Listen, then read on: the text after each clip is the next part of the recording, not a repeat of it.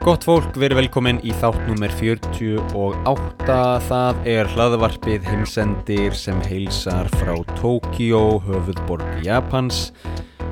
Ég er einn í dag. Þetta er lífið í Tókíó þáttur uh, með reyndar smá breyttu sniði. Í dag langar mig að taka fyrir eitt stórt málefni.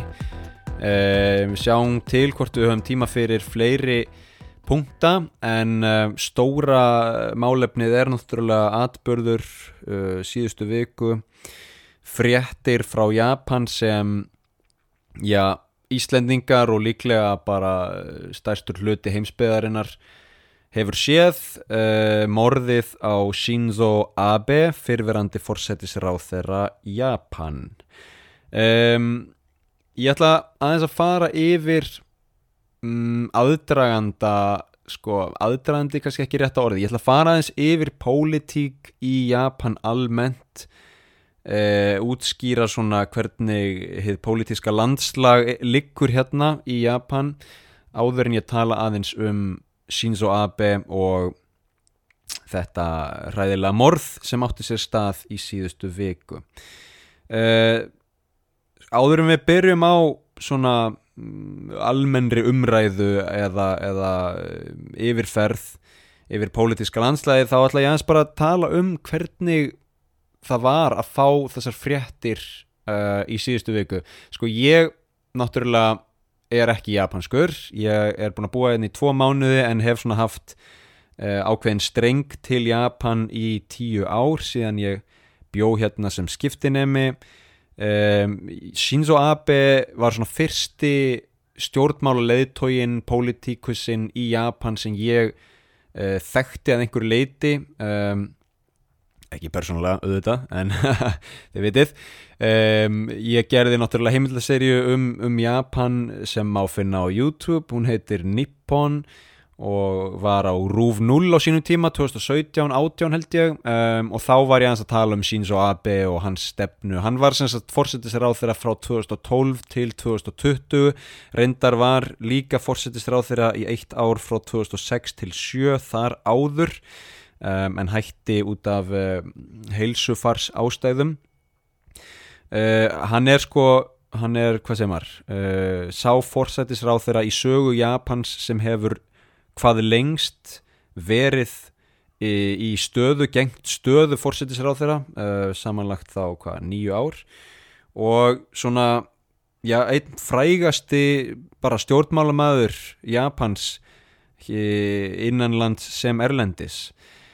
Þannig að gríðilega svona stór fígúra hvað það var þar. Um, sko þegar þetta sem sagt gerist á, á förstu daginn síðasta sem er 8. júli 2022 uh, á staðatíma 11.30 uh, svona fljótlega eftir það 11.30 um, uh, fyrir hádegi þá byrja að koma fréttir um að, að Shinzo Abe hafi verið skotinn um, á kostningaviðburði og ég man sko, ég var bara fara út úr húsi mjög fljótlega eftir það. Ég náttúrulega hérna, skoðaði bara fréttir og og, og um, fór það, það sem ég finnst leika áhugavert er sko að ég ég er með hérna, BBC appið British Broadcasting Center uh, appið og ég fæ alltaf sko breaking news frá þeim. uh, nema hvað að það var alveg svona 15 mínútna byð eftir því að þessar fréttir uh, færu að berast frá vestrænum fjölmiðlum. En það, þú veist, þegar klukkan er 11.30 hérna uh, þá er klukkan bara þrjú eða eitthvað um nótt í Evrópu. Þannig að hérna svona, þetta er svona frétta nörda innskot uh, mér finnst áhugavert bara að, að hérna, japansku fréttameilunir augljóslega voru mun fljótari heldur en vestarinn fréttameillar að, að byrta þessar fréttir en sem sagt, fyrstu fréttir berast þarna uh, rétt fyrir 12 rétt fyrir hátegi á förstu daginn 8. júli og ég fer bara eða beint út úr húsi að því ég er að fara á æfingum með leiklistarhópnum Uh, Yokohama Theatre Group sem ég er orðin hluti af. Og hérna, ég get tala betur um það setna um, um, það sem ég tók strax eftir var bara að fólk út á götu var bara limt við síman þú veist, það voru allir bara einhvern veginn að rífressa fréttir af því á þessum tíambúndi þá var uh, fréttin í raun svo að uh, Shinzo Abe hefði nýið niður, að hann hefði mögulega orðið fyrir skoti, eitthvað svona. En það var ekkert, ekkert komið í ljós þarna að, að hann uh, hefði í raun verið myrtur eða væri um, hefði verið veitt bannvæn skottsár, skulum við segja. Um, þannig að fólk var bara í lestinni og út á götu limt við síman að, að reyna að átta sig á stöðunni. Það voru skrítið sko.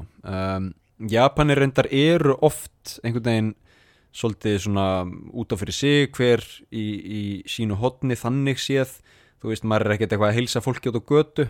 Um, það er einhvern veginn þetta er svona smá mind your own business samfélag hvað það var þar uh, en sérstaklega þarna á förstu daginn það voru allir bara í sínu sinni frétta búblu engin einhvern veginn að, að hérna, pæla í öðru fólki.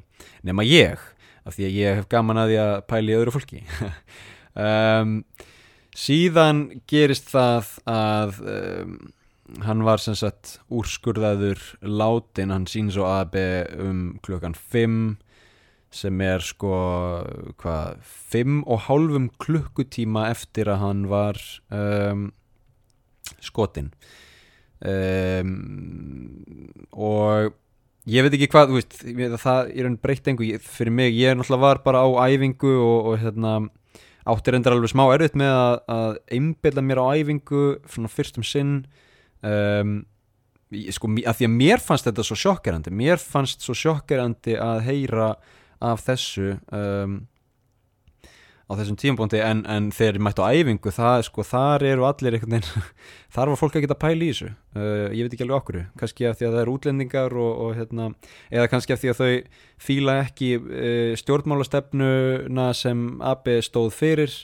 eitthvað þannig. Um, en allan að mér fannst þetta mjög, mjög skrítið og, og hérna og ég man um kvöldið förstaskvöldið eftir að hann var úrskurðaður látin, þá fór ég í Bath, Sendo Bathhús og mér fannst það mjög svona áhugaverð upplifun. Um, það voru allir svo hljóðlátir og en samt einhvern veginn kurteisir og, og svona algjörlega öfugt við einhvers konar aggression um, aggression um, já það voru allir bara mjög rólegir og kurteisir og hljóðlátir og í raun leiðir einhverju leiti um, ég fór hann í baðhús og, og, og ég tók eftir því að, að uh, það var svona svolítil saminning, svolítil samheldni í, í fólkinu og þó, að maður væri ekkert eitthvað í, í samskiptum við hvort annað sko. það var bara svona einhver, einhver tilfinning sem ég fekk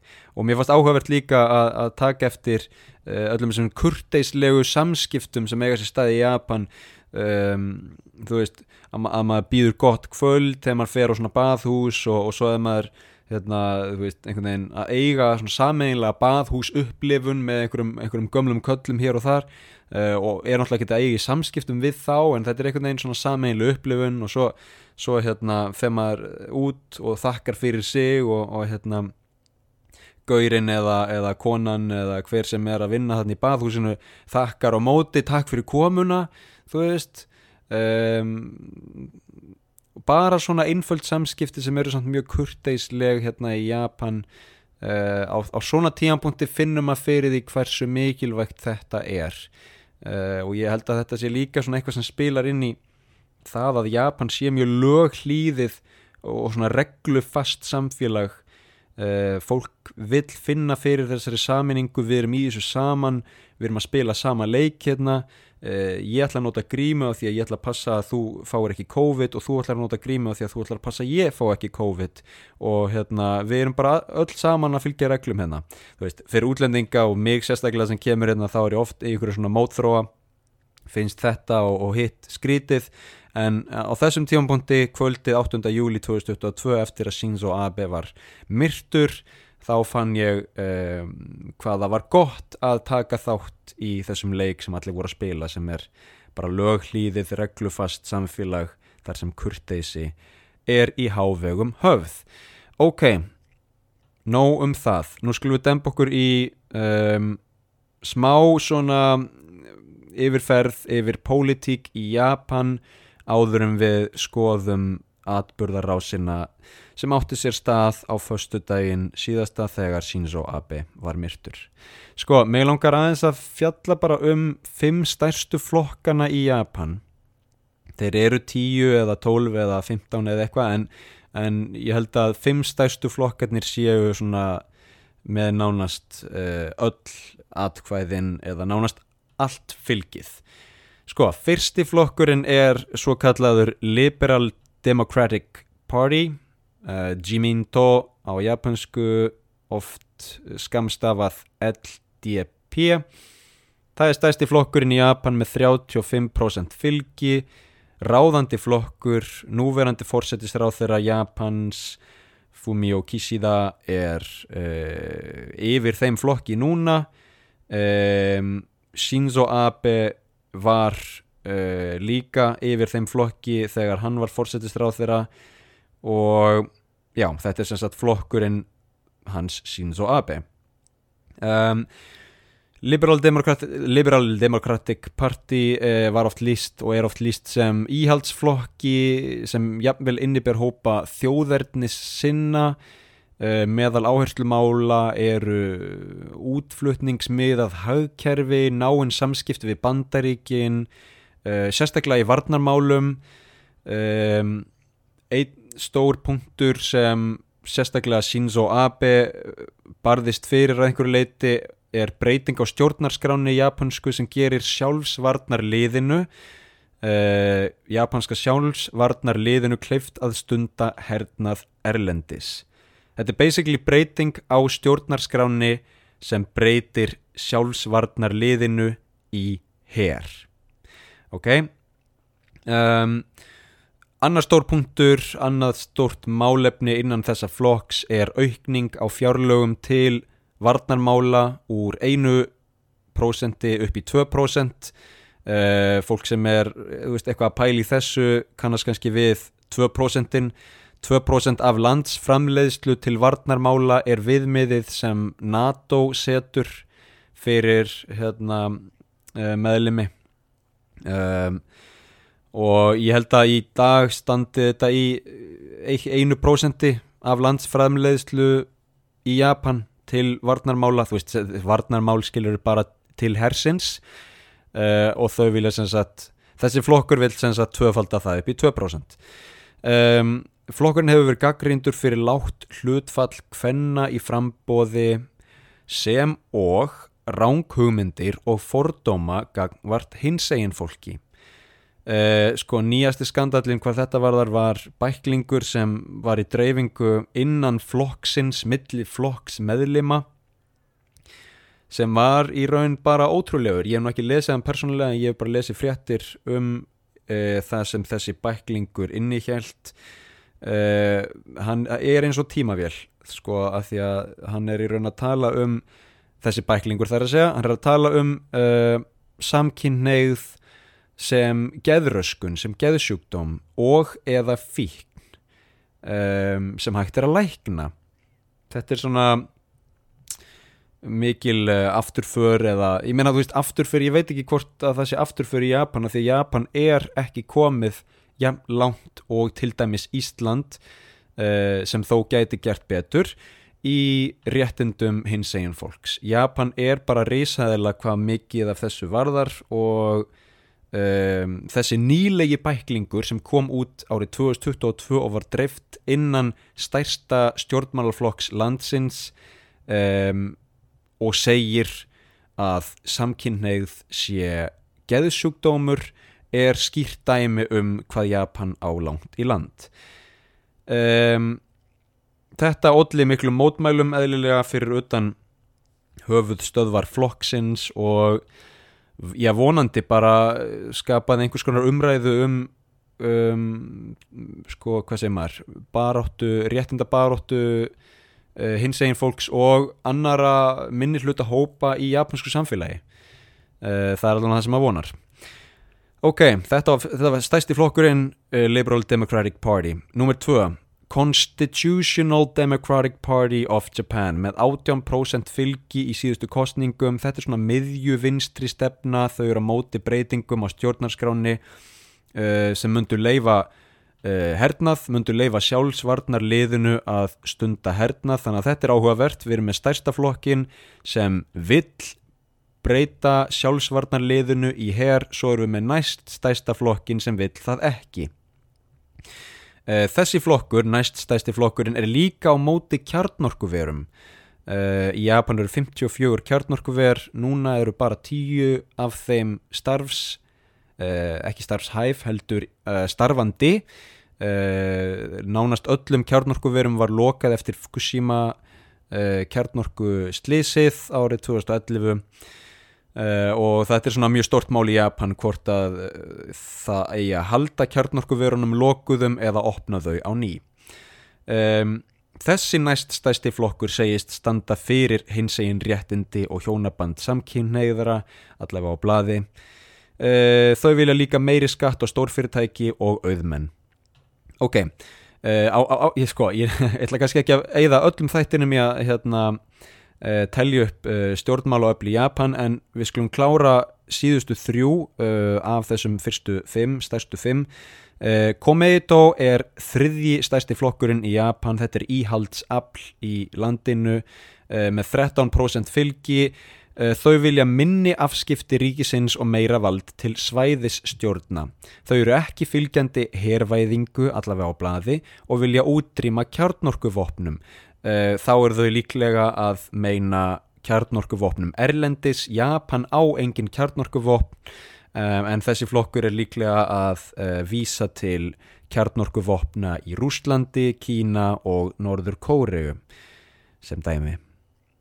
Uh, Númer fjögur er Nippon Ishin no Kai sem er fjóruðistærsti flokkurinn í Japan með 10% fylgi hefur verið kallaður íhalds þjóðernis hæri flokkur en það gæti verið ránt um, sko, þetta er svona flokkur sem er svolítið erfitt að hérna, hvað segir maður uh, skilgreina.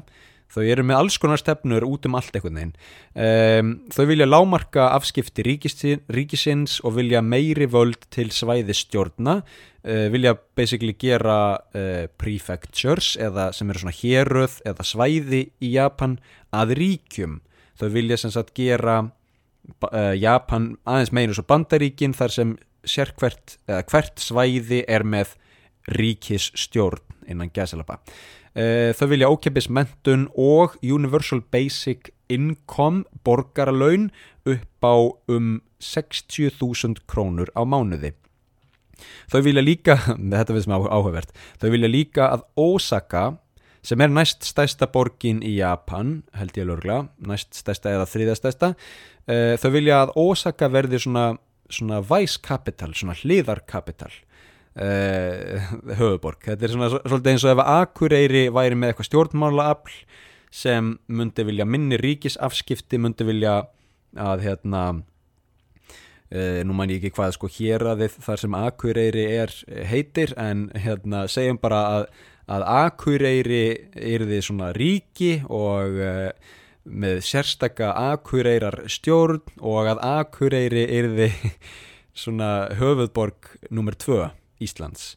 Uh, þetta er eitthvað í, í líkingu við það. Það er áhugavert, fólk í Ósaka held ég að sé mjög svona stolt af sínum uppbrunna og hérna vill jável ekkert með að hafa, vill bara vera Ósaka búar Allavega, uh, þessi flokkur er líka fylgjandi herrvæðingu vill fara frá einu upp í 2% uh, eh, af landsframleiðslu til hernaðarmála, varnarmála. Uh, þau vilja líka færri þingmenn og lægri þingmanna laun. Mm, það er áhugavert. Síðan nummer 5 er það hinn japanski kommunista flokkur. Þetta er einn stærsti kommunista flokkur heimsins sem er ekki í ríkistjórn um, ég menna stærsti kommunistaflokkur heimsins er líklega kínveski kommunistaflokkur en þau eru ráðandi þú veist, það er engin annar flokkur þannig að þau eru ráðandi.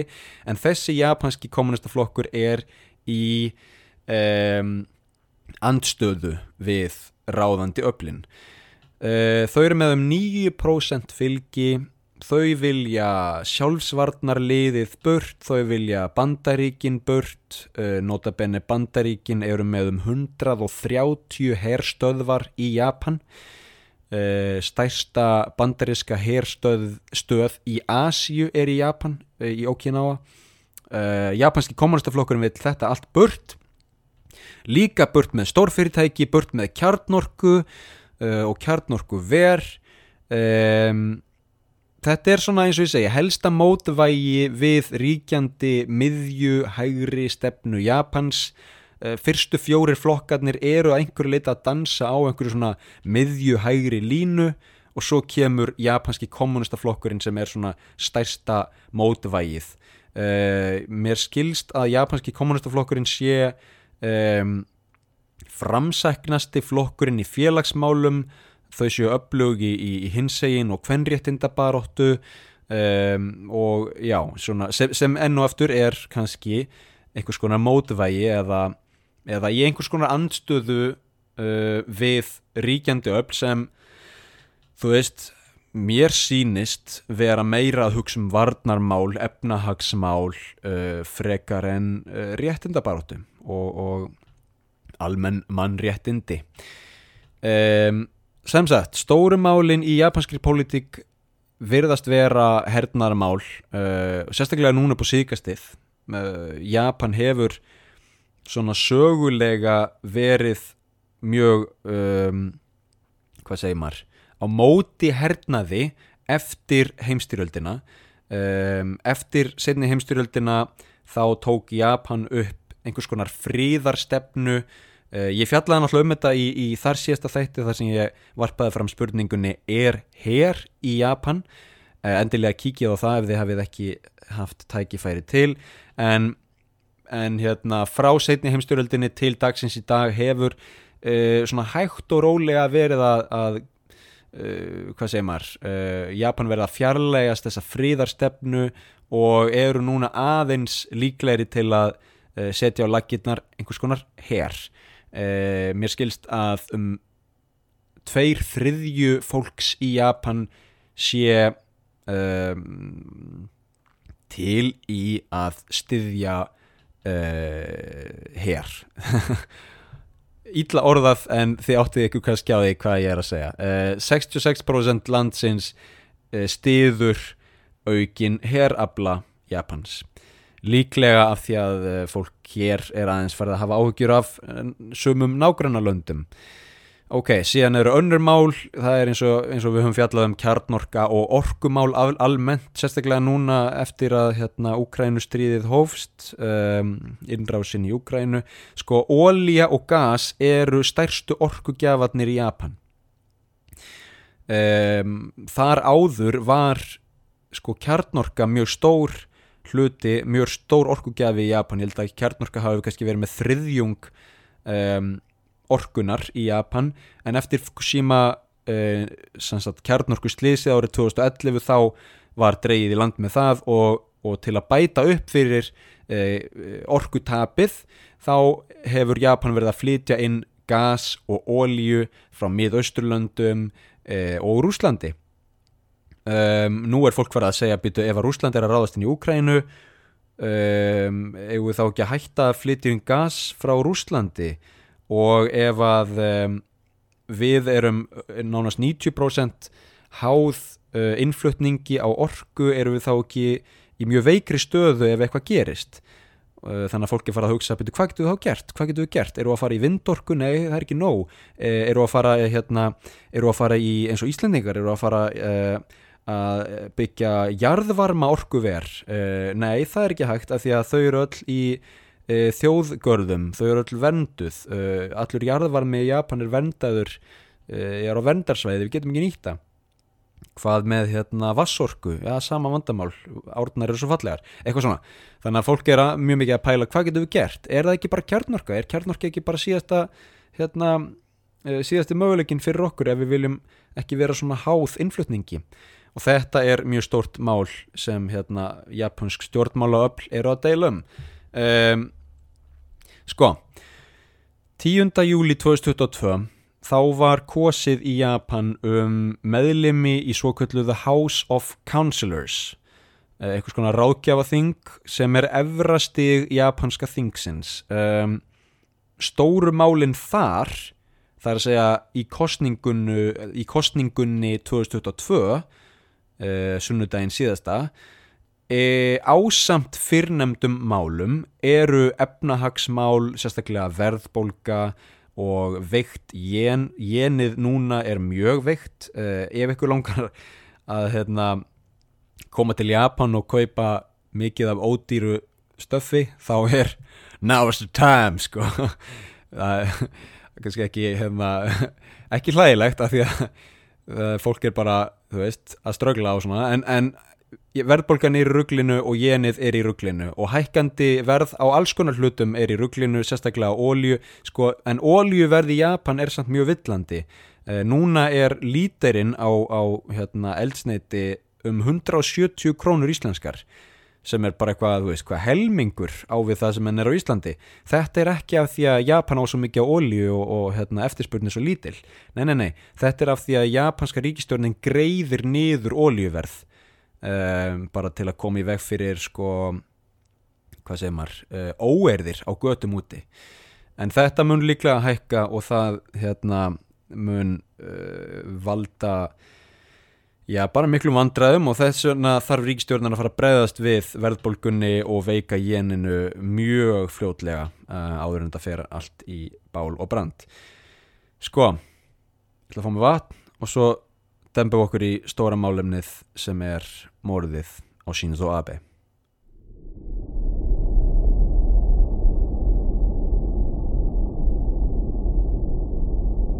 8. júli 2022 förstu dagur um, klukkan er 11.30 og fyrirvarandi fórsættisráð þeirra Japans Shinzo Abe er að halda ræðu á kostningaviðburði þar sem hann er að styðja frambjóðanda í Liberal Democratic Party fyrir kostningarnar uh, tveimtum setna 10. júli 2022.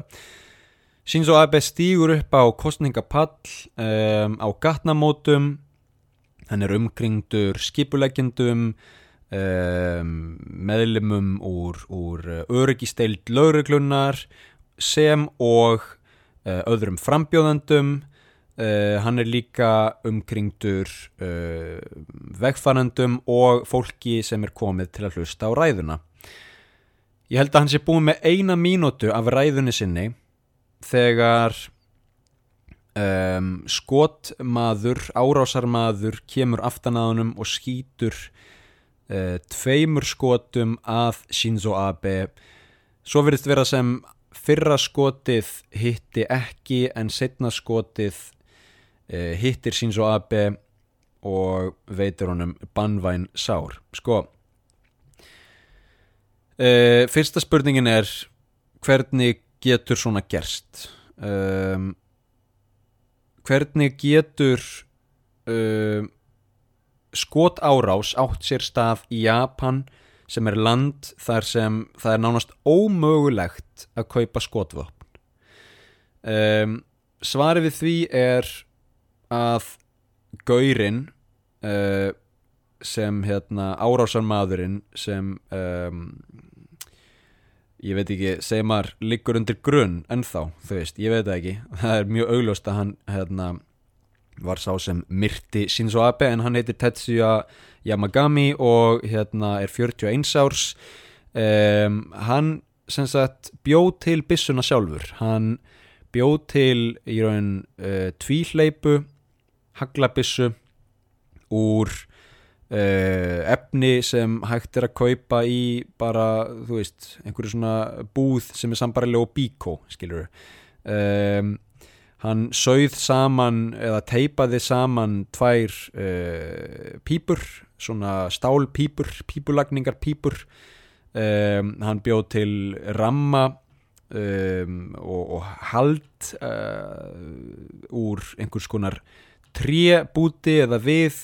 Uh, og hann notaði batteri og rafmagsvíra til að búa til einhvers konar svona kveik, kveik í kerfi. Uh, hann sem sagt bjó til haglabissu um, en þá er vandamálið byrju hvar fekk hann skot? Uh, keifti hann bara, fór hann út í hérna, búð og keifti skot? Nei, það er ekki hægt. Japan er ekkit hægt að kaupa bissu nýja skot. Þannig að hann þurft að búa það til sjálfur bjóðan þó til púður? Já, það er mjög líklegt. Ef að þið sjáu myndband af um, þessu morði uh, þá sést í raun þegar skotið uh, hleypur af þegar skotinu er skotið að þá kemur stór reikmökkur út úr bissunni um, þetta er dæmu, eða þetta bendir til þess að hann hefði notað heimagert púður af því að uh, púður sem lang flestar bissur nota uh, er svo kallað smokeless uh, eða sagt, púður sem, sem býr ekki til reik um, þannig að hann hlýtur að hafa búið til heimagert púður og mögulega skot líka. Þú veist hvernig er hægt að búa til um, haglabissu heima hjá sér úr einhverju svona dóti sem hann getur keift út í búð sko hann virðist hafa lært að búa til bissu á YouTube. Um, og, og það er svona Veist, ég veit ekki, uh, hvenar er, er svona frjáls uh, free speech komið of lánt, maður veit ekki á YouTube að fara hérna, banna vídeo sem kenna fólki að búið til bissu eða, eða er þetta bara lægi, ég veit það ekki. Uh, allavega hann lærði það á YouTube og bjóð til Bissu og, og hérna, eftir þetta morð þegar lauruglan fór heim til uh, Tetsuya Yamagami uh, árásar mannsins þá fundu þau fleiri Bissur og hérna hann var líka eitthvað farin að pæla í, í hérna að búa til sprengjur líka. Sko, ok, uh, svo er önnur spurning, hvernig gæti þetta gerst, hvernig gæti eh, leinithjónustan eða lögreglan ekki komið í veg fyrir þetta? En og aftur, Japan er land þar sem um, sko bissur og, og, og skot árásir eru nánast óþektar.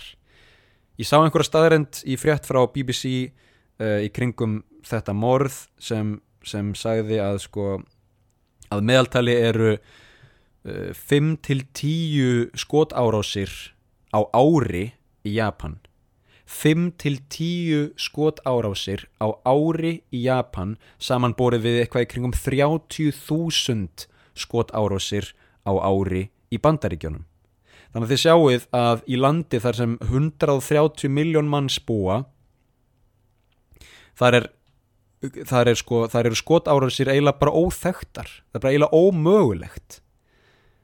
Eh, það er möguleg, möguleg ástæða fyrir því að um, lauruglu gæstlan, öryggisgæstlan í kringum síns og abe uh, var svona, hvað segir maður róleg.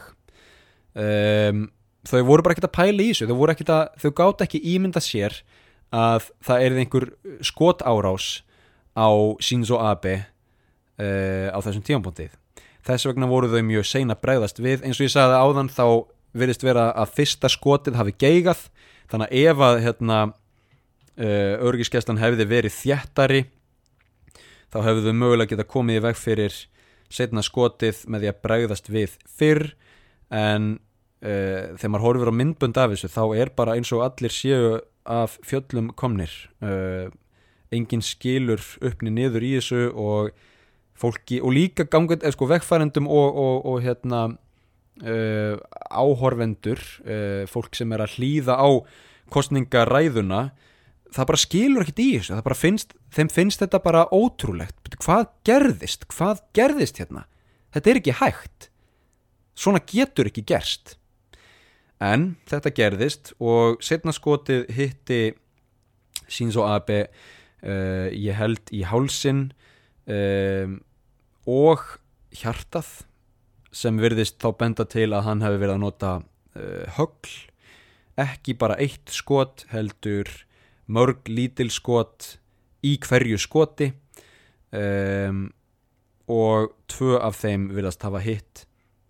Og Abe hann nýgur niður um, fréttir herma að hann hafi verið með meðvitund fyrstu mínuturnar getað talað Eh, fyrstu mínúturnar hafi síðan verið flóið á, á uh, spítala, sjúkrahús í svona sjúkrað þyrlu um, þar sem 20 læknar uh, vörðu fjórum klukkutímum í að reyna bjargónum með sko mörgum lítrum af blóðgjöfum uh, en tókst ekki og hann var úrskurðaður látin uh, fimm og hálfum tíma setna um, enn og aftur þetta er svona bara ótrúlegt. Þetta er eitthvað sem uh, þú veist á ennskum myndi kannski vera kallað freak uh, occurrence eitthvað bara sem er svo ótrúlegt eitthvað sem er algjörlega ófyrir séð og, og áýrun ekki að geta átt sér stað. Um, en mér finnst mjög líklegt að þetta atvik, þetta, þetta morð muni breyta örgisgæslu og ég raun bara uh, hafa miklar, hérna, mikil áhrif á kostningaviðburði framtíðarinnar í Japan um, af hverju var Shinzo Abe drefin? Um, þessi skot árásar maður Tetsuya Yamagami um, 41 árs var frá 2003 til, nei, 2002 til 2005 meðlumur í sjálfsvarnarliði Japans um, hann var í sjóherdeildinni í sjálfsvarnarliðinu í þrjú ár um, hann bjó í borginni þar sem árásan átti sér stað Nara sem er í vestur Japan og hann hérna eftir hann fór úr sjálfsvartanliðinu þá var hann í einhverjum, einhverjum störfum hér og þar en veriðst þá að verið atvinnulegs um, upp á síkastið um, og maður, sko, fyrst þegar maður heyriði að hann hefði verið í sjálfsvartanliðinu þá fór ég að hugsa byttu er þetta af því að Shinzo Abe hefur verið að berjast fyrir því að sjálfsvarnarliðið verði gert að hér var hann að mótmæla því? Um, eða, eða vild hann að, að hérna, Shinzo Abe hefði gert meira? Ég, ég skil ekki. Nei, núna hafa komið upp hérna, kenningar um að uh, ástæðan sé önnur. Uh, hérna, sko, árásar maðurinn uh, sagði vist við lauruglu að hann hefði verið ósáttur við e, trúarhóp sem móðir sín var í, var meðlumur í og hafði gefið e, margar miljónir í, í hérna okkur get ég ekki tala ennsku lengur donations, framlög uh, væri búin að gefa þessum trúarhópi margar miljónir og það hefði í raun uh, rústað fjárhægi fjölskyldunar Uh, hefði í raun hérna, komið í veg fyrir að skotarósamæðurinn um, uh, hinn grunaði skulum við segja um, hefði geta farið í háskóla um, og hans eins að var mjög reyður út í þennan hóp. Uh, kenningar segja að þessi hópur sé kirkjuhópur eða trúarhópur sem heitir Unification Church á uppbruna í Suður Kóreu en er með höfustöðvar Eh, eða, eða bækistöð var öllu heldur í Japan líka, útibú í Japan. Um, Unification Church er kristilegur hópur sem uh, tólkar uh, kristnitrú á nýjan hátt. Um, eins og margir svona hópar þá er leiðtógin fyrirverandi talin hafa verið einhvern veginn endurfættur Messias. Um Jésu Kristur annar, eitthvað svona skilur, og, og sumir segja nei, þetta er ekki trúarhópur, þetta er hérna, sértrúarsöfnur uh, sem, sem hérna, uh, kreistir út fjárframlög frá meðlumum sínum sem stundum getur leitt til uh, já, þess að, að fjárhagurinn fær í rúst um, það sem virðist hafa gerst hjá þessum hérna, árusanmanni Tetsuya Yamagami um, þetta er allt bara kenningar svo það sé sagt. Uh, hópurinn uh, eða útibú hópsins, útibú trúar, trúarhópsins í Japan hefur staðfest að móðir hins grunaða var vissulega meðlimur en þau hafa ekki hérna, kommentað á hvort að uh, þau hafi hlotið einhver fjárframlög frá henni eða ekki. Um, af hverju var Shinzo Abe myrtur í tengslum við þetta. Jú, hinn grunaði vill meina að Shinzo Abe hafi verið stór stuðningsmaður hópsins og hafi þess vegna um, hjálpað hópnum að vera valdur að uh, fjárhagslegri rúst fjölskyldu sinnar ok, uh, þú veist ég, ég ætla ekki að kommenta á þetta. Þetta er bara hérna, það sem uh, nýjustu fréttir herma, nýjustu kenningar öllu heldur, þetta er allt óstaðfest um, og, og þú veist, þetta er kannski ekki þetta er líka kannski ekki aðal málið um, þetta er kannski ekki aðal málið í þessu öllu saman af hverju hann var drepin staðnendin er svo að hann var myrtur síns og Abe var myrtur. Staðnendin er svo að örgiskeslan gæti ekki komið í veg fyrir það. Staðnendin er svo að ótrúlega þjætt uh, um, skotvopna lögjöf um, alls konar varnarveggir hér og þar til að koma í veg fyrir skotárásir dugðu ekki til að koma í veg fyrir þessa. Það er það sem skiptir máli. Um og, og svo hérna þarf bara lauruglu rannsókn að, að, að leiða e, hitt í ljós. E, og, og í raun svo náttúrulega bara hérna dómur yfir hérna hinnum grunaða þarf að, að díla við það. E, þannig að við skulum ekki staldra lengur við það. E, eitt sem er svona áhugavert e, finnst mér eftir að þessar fréttir fór af stað um morðið á Shinzo Abe þá voru alls konar viðbröð frá alls konar löndum. Uh, langflestir þjóðar leiðtogar um, veittu samúð sína, sendu samúðar kveðjur til fjölskyldu og flokks meðlima uh, flokks bræðra og sistra uh, Shinzo Abe. Þar á meðal þjóðarleiðtóðar Suður Kóreu og Kína og Rústlands Putin, Sergei Lavrov, uh, Xi Jinping, uh, fleiri þjóðarleðtóar þessara landa sendu samúðar kveðjur en á samfélagsmiðlum voru heyrðust aðrar rattir líka sko Japan, Suður Kórea, Kína og Rústland þessar, þessar þjóðir eiga í mjög um, skrítnum eða sko, nei það er, það er flókin saga millir þessara þjóða og það eru flókin tengsl og samskipti millir þessari þjóða. Það eru margir þjóðverðnis sinnar eh, og sérstaklega öfga þjóðverðnis sinnar í öllum þessum löndum sem er mjög illa við eh, hvort annað, eh, hvor önnur. um, og þjóðverðnis sinnar á samfélagsmiðlum í Kína og Suður Kóru voru fljó, og Rúslandi eflust líka voru fljótir að um, nota þessar, þessar fréttir til að, að hérna lýsa yfir ykkur gleði eða ánægu með, með að Shinzo Abe væri fallin frá. Uh, af því að hann eins og ég segi áður hefur verið uh, nokkuð upplugt afl uh, í því að um, breyta stjórnarskráni til að gera sjálfsvarninar liðinu kleifta stunda hernað Erlendis. Og þetta er náttúrulega eitthvað sem þjóðverðnis sinnar í, í Kína og, og Suðu Kóri og Rúslandi hafa ekki mjög gaman af.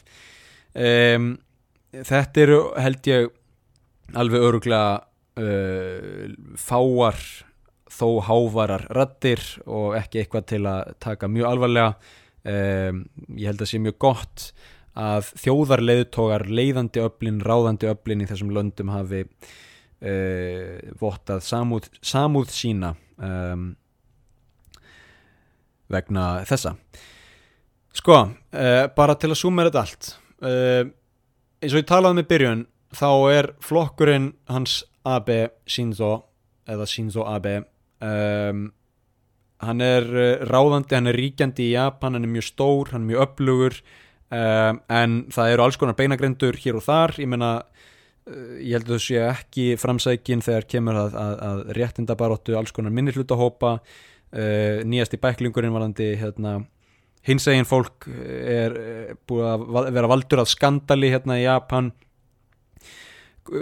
hver staða Abe Shinzo var uh, í þeim málum veit ég ekki og kannski um, skiptir ekki öllu máli akkurat núna um, en ég allána sé það bæði í fréttaflutningi og í uh, bara fólkinu kringum mig að, að Abe Shinzo Abe var hérna mjög öflugur leiðtogi Uh, hans verður minnst sem uh, mjög öflugs leiðtoga hér, hérlendis og erlendis. Hann var mjög bæði vinsæll og frægur í mörgum öðrum löndum. Hann hafði mikil áhrif á efnahag og auðarningis stefnu Japans. Efnahagsstefnan sem hann uh, leiti í ljós Abenomics þú veist, Shinzo Abe Economics, Abenomics um, er mjög fræg stefna uh, og hafði mikil áhrif á efnahagin í Japan. Um, eftir þetta morð á Shinzo Abe þá hefur fólk verið að, að, að hérna, dreifa hashtagin á samfélagsmiðlum. We want democracy, not violence. Uh, þetta er svolítið lýsandi fyrir uh, svona já, viðbrögð japanski þjóðarinnar held ég þú veist, ok, gott og vel við getum verið ósamála um, um hinn og þessi málefni og, og, og hérna og við þurfum að berjast fyrir alls konar réttindum og alls konar hópum um, en það er engin á, en sko ósætti í skoðunum og stefnumálum er e- engin ástæða til að bregða til ofbeldis og hvað þá morð tilrauna og morðs um, það er eiginlega bara hérna, ég held að langstæstur hluti Japans og bara heimsins sé sammála um það um, þú getur verið ósámála hverjum sem er um, og þess vegna er líðræði mikilvægt. Um, það voru kostningar núna á sunnudaginn.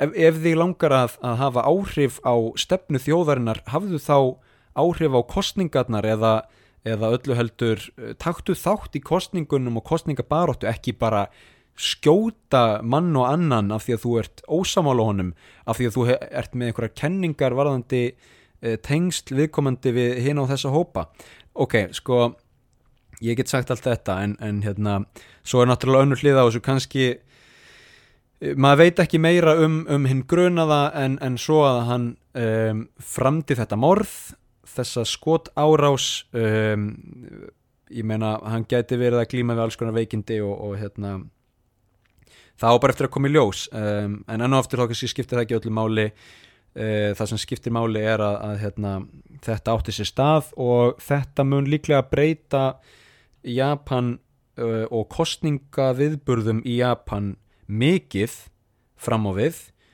uh, þar að segja uh, í framtíðinni ég held að það sé að einhverju leiti svona september, 11. september moment um, mögulega eru dagar þess taldir að stjórnmálafólk og frambjóðundur í Japan standa upp á pöllum fyrir framann almenning og takja móti spurningum og, og, og veiti ræður og, og þess áttar sem ég finnst algjör synd uh, í landi þar sem eru 130, ég held að sé 125 miljónir núna, 125 miljón manns, þriðja stæsta hagkerfi heims um, en samt eru rísastórir stjórnmálamenn og stjórnmáluleiðtógar og frambjóðandur meðal almennings að taka á móti spurningum, þú veist, þetta er eins og ef að bara frambjóðandur um, til uh, ríkistjórnar eða frambjóðandur í, í, í alþingiskostningum á Íslandi myndu standa á palli á, á Ingolstorgi eða Lækjatorgi og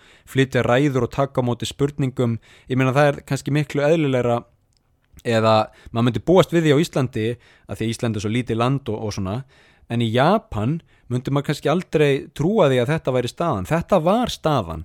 Fólk gerði þetta um, þú stóðst á torgi hérna í Shibuya uh, og þar var bara einhver stjórnmálamaður sem var kannski að bjóða sig fram Uh, til borgarstjóra Tókjó eða eitthvað og hann var bara nokkra metra frá þér. Hann var ekki umkringdur leini skittum og leini þjónustumönnum og hann var ekki í einhverju glerbúri eins og, og Pávin eða, eða bandarækjafórseti hann var bara þarna, eða hann eða hún eða skiljur, þú veist, sá, stjórnmála maður uh, var bara þarna fyrir framann þig. Þetta geti verið búið núna. Mögulega um mögulega, já, mun þetta ekkert gerast aftur og ég held að það sé mjög leitt, ég held að hérna, það að búa til meiri fjarlægð milli stjórnmálaabla og almennings sé alls ekki gott uh, og mér finnst það mjög leiðilegt, mér finnst það mjög sorglegt að ef að uh, þetta morð þessi atbyrður mun hafa þau áhrif. En það er kannski óhjákvæmilegt. Ég held að við séum búin að uh, gera þessu ágætis skil sko um, ég, ég ég bara vona að fólk sko ef að fólk hefur áhuga á að lesa meira um þetta mál um, þá, þá bara uh, vinnið að sína einn rannsóna ég er svona aðeins búin að bara aðeins búin að uh, segja frá minni tólkun og, og mínum skilningi á þessu máli. Um, ég gæti alveg hafa farið með einhverjar rángferslur í þessari hérna, yfirferð ef svo er þá, þá uh, byggðist ég afsökunar því en ég held að þetta hefur verið nokkuð greinar góð uh, samantækt á því sem gerðist og, og hérna, þeim áhrifum sem það mun hafa uh, í framtíðinni Við skulum skiptum gýr núna og fara í aðeins léttari mál, tökum nokkra almenna punta hérna áður en við klárum þátt dagsins.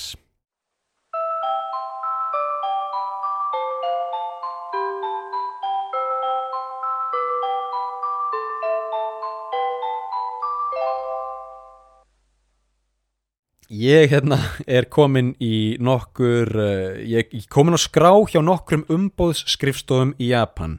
Ég er orðin módel og hæju í Japan sem er módel og leikari í Japan uh, ég talaði nú aðeins um það í síðustu þáttum um, en ég glemdi að minnast á hvernig það var uh, að vera tekin inn í eina skrifstöðu af, af þessum þremur uh, sem var mjög áhugavert ég mætti á skrifstöðuna að ég þurfti að fá hérna, mælingar teknar ég þurfti að fá myndir teknar af mér ég tók kynningu á mér á ennsku japansku, spænsku og íslensku. Um, veit ekki hvernig það verður notað.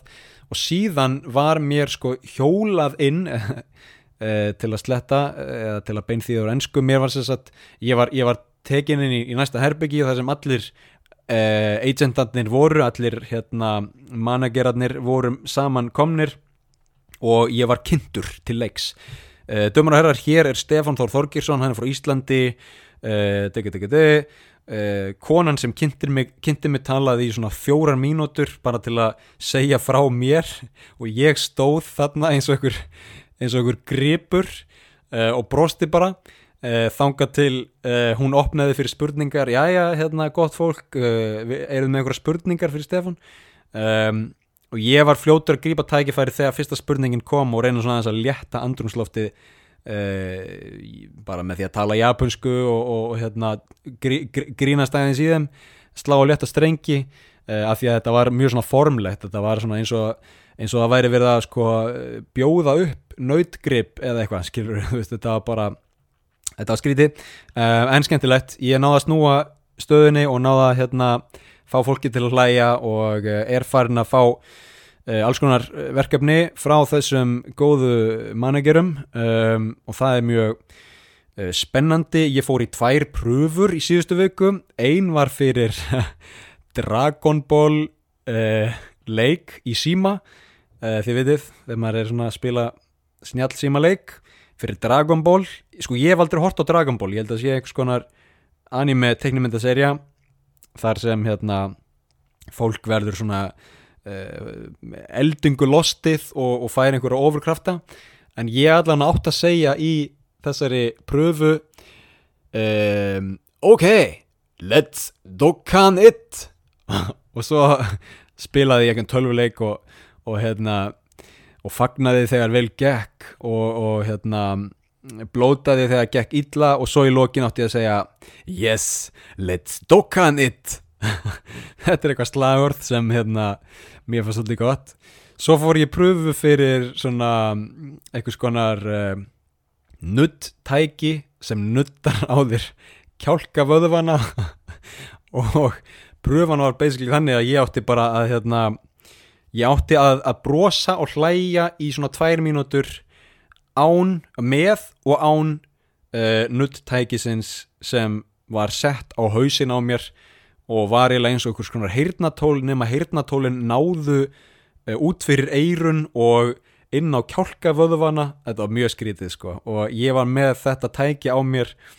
Það var ekki kveikt að því því miður en ég átti basically bara hlæja þannig ég fó bara að segja einhverja sög á íslensku og, og hlæja og brosa og hlæja og brosa og um, ég átti að fá niðurstöður þessum pröfum en hérna uh, vonandi gekk þetta bara vel.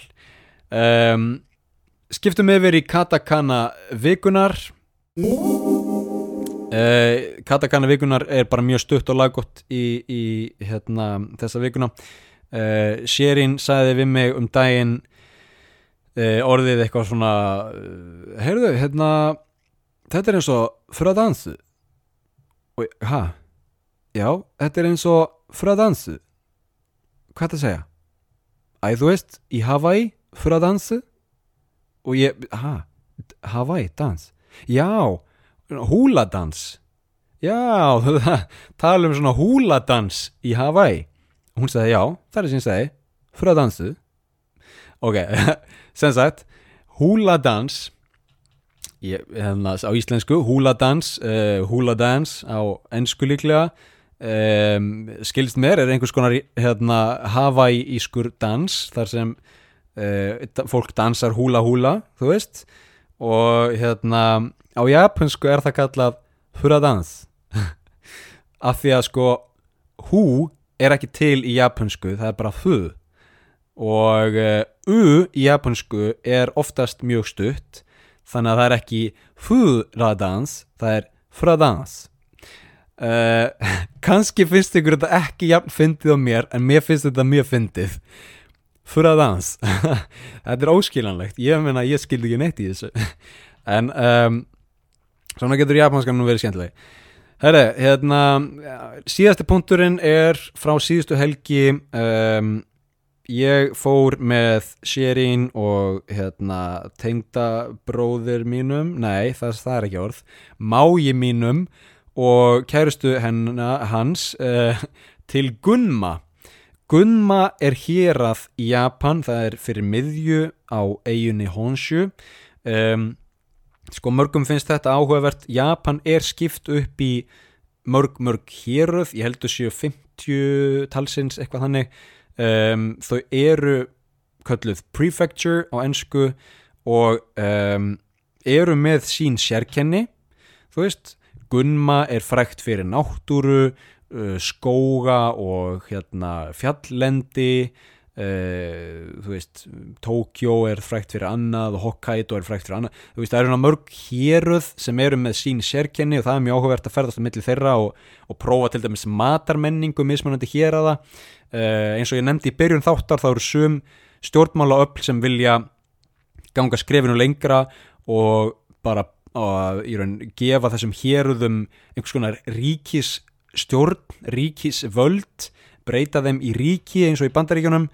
Uh, ég veit ekki hvernig áhrif það hefði kannski værið það gott, kannski ekki.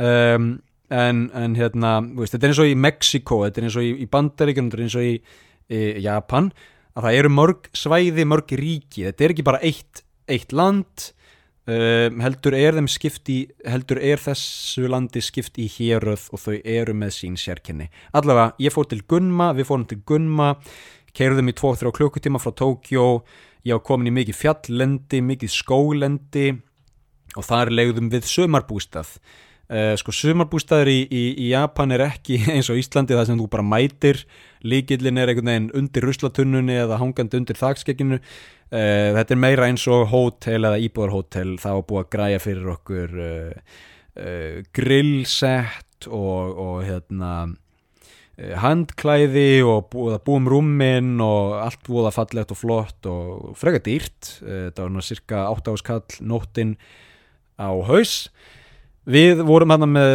grillveislu og, og horfðum á myndir og vorum bara slaka á en það sem svona ég tók eftir var að því ég fór í, í hlaup, ég fór að hlaupa, hljóp 14 kílometra þarna í, í þessari ósnortnu náttúru en það sem ég tók eftir var að um, það er bara fullt af húsum og vegum og innviðum allstafar.